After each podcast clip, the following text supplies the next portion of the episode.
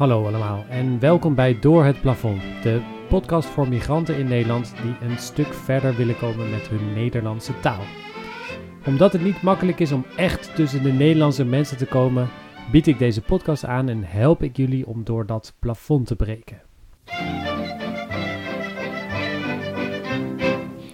Van harte welkom in deze eerste aflevering van deze podcast over het Nederlands. Uh, ik ben al een lange tijd bezig met het helpen van vrienden en kennissen om beter te worden in het Nederlands. En nadat ik geïnspireerd geraakt was door een podcast die ik zelf volg over een andere taal, heb ik het eindelijk aangedurfd om de stap te wagen zelf afleveringen op te nemen om andere mensen te helpen. Mijn naam is Oscar, ik ben een leraar. Uh, eerst was ik leraar op de basisschool, dus voor kinderen van 8 tot en met 12 jaar oud. En uh, nu op de opleiding voor mensen om zelf leraar te gaan worden. Dat heet de PABO. En ik werk dus met studenten die basisschoolleraar willen worden. In het Nederlands gebruiken we vaak het woord leerkracht voor die leraren. Dus als we het hebben over leraren op de basisschool, maar daarover straks meer. Um, ik hou zelf heel erg van talen. Ik heb er uh, ook een heleboel geleerd en een heleboel weer vergeten, uh, zoals Spaans, uh, Russisch en Frans. En daardoor heb ik best een goed idee gekregen van hoe een taal nou precies werkt. Wat is grammatica? Hoe zijn woorden ontstaan? Uh, wat is het verschil tussen schrijf- en spreektaal? En via mijn interesse, mijn andere interesse in wereldmuziek en dans, ben ik uiteindelijk ook terechtgekomen bij de taal Hongaars. En dat is voor mij als, als West-Europeaan een hele gekke taal met allemaal regels die ik niet ken. Het is echt een, uh, een uitdaging, maar ik vind het heel leuk om me erin vast te bijten. Inmiddels kan ik het best goed spreken en luisteren, maar dat heeft wel tien jaar geduurd. Nou, verder ben ik eigenlijk altijd bezig met taaldingetjes, uh, vaak tot verveling van anderen. Maar meestal kan ik wel weer een leuk feitje opnoemen, zodat ze mijn verhalen wel weer interessant vinden. Nou, als leraar vind ik het interessant om na te denken over manieren waarop mensen dingen leren. Dus de een is goed in uit een boek leren en de, de ander moet het weer gewoon doen. Ik heb zelf heel veel aan allerlei verschillende manieren waarop ik dingen leer. Dus als ik een taal leer, dan, dan praat ik met mensen. Ik ik schrijf op mijn telefoon berichten in die taal. Uh, ik doe wat Duolingo. Ik zoek de geschiedenis van een woord op of, of ik luister een podcast. En door die afwisseling krijg ik langzaamaan een goed begrip van de taal. Ook helpt het door met verschillende mensen te praten. En dat kan best moeilijk zijn in Nederland, omdat de mensen een beetje gescheiden, dus apart van elkaar leven. En dat zal ik even uitleggen, want dat is een reden waarom ik deze podcast uiteindelijk ben gaan maken. Nou, ik zal op kort op B1 niveau uitleggen in deze aflevering waarom ik het belangrijk vind uh, dat mensen goed Nederlands kunnen leren. En dat is dus ook waarom ik deze podcast maak.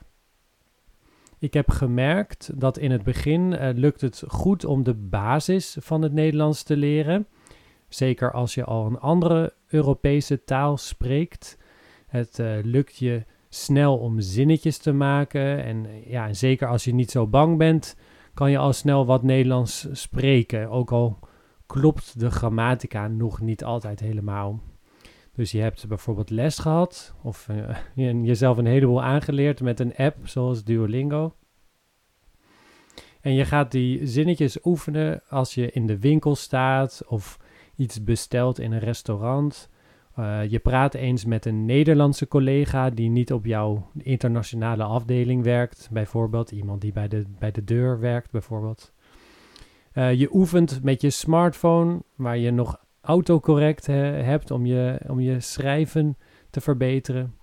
En waarschijnlijk heb je dit, of een van deze dingen al wel een keer meegemaakt. Maar dan, realiseer je, leer je eigenlijk nog wel iets. Hoe kom ik nou verder? Hè, hoe word ik nou beter in het Nederlands?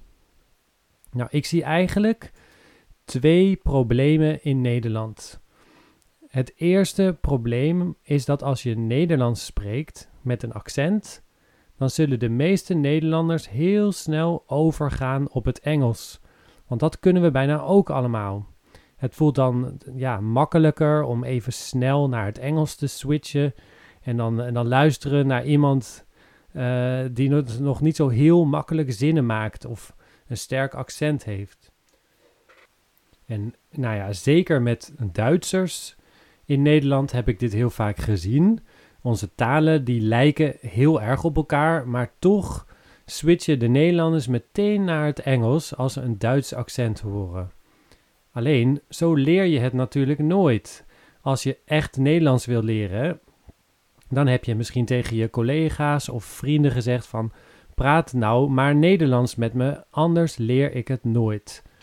En grote kans dat als je nu niveau B1 of B2 bereikt hebt, dat je daar wel afspraken voor gevonden hebt.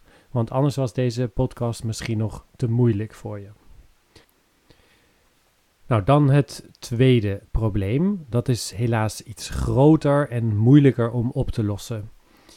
Nederlanders zijn open en meestal vriendelijk, maar er is een heel groot verschil tussen de Nederlandse bevolking met familie en vriendengroepen, werkplekken en daartegenover plekken waar meer migranten of expats of exchange students komen.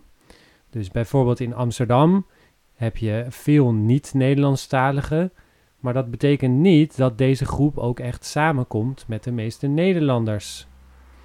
En veel migranten uit EU-landen die zien misschien alleen een Nederlandse baas, maar geen of weinig Nederlandse collega's. Het werk wordt laag, te laag betaald en of is te zwaar of te onprettig.